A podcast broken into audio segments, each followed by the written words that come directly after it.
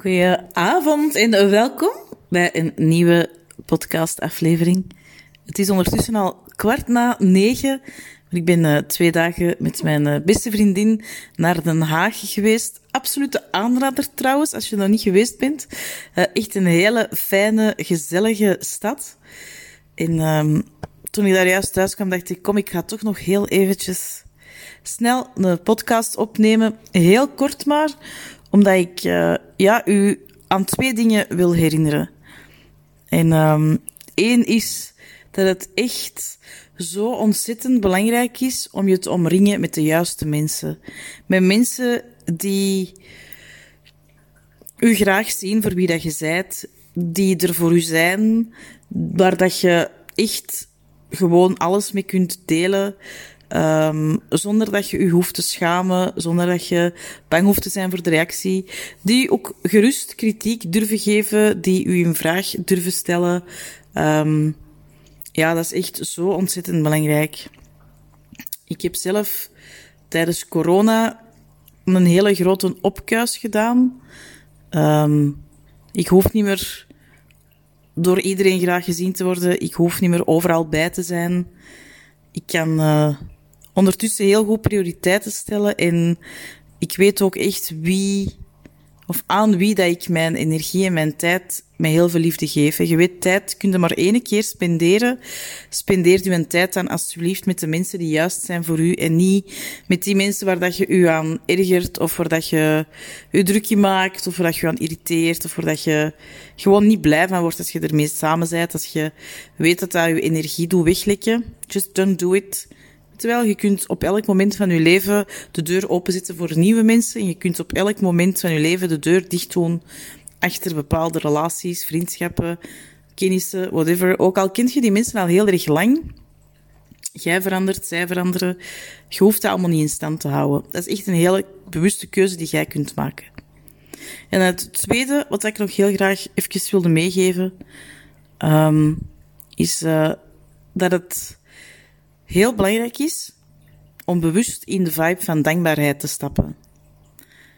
Dankbaar zijn voor dingen die je kunt doen. Dankbaar zijn voor de kleerkast die je kunt opentrekken. Dankbaar zijn voor het uh, verse eten dat je kunt maken.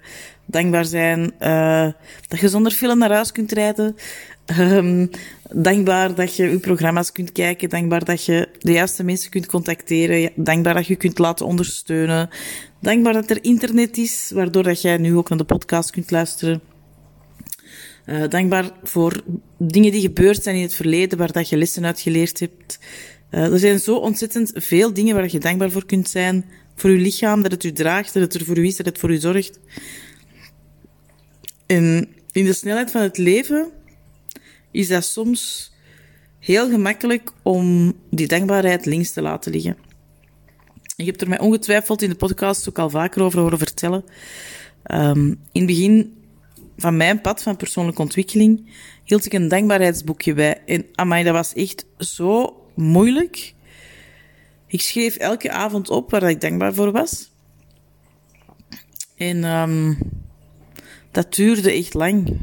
Ik moest elke avond 15 dingen, mensen, gebeurtenissen opschrijven. En um, dat was echt een hele, hele moeilijke opdracht. Vandaag kan ik, als je mij dat zelfs vraagt, kan ik honderd dingen, mensen, gebeurtenissen opschrijven waar ik dankbaar voor ben. Omdat ik me niet getraind heb.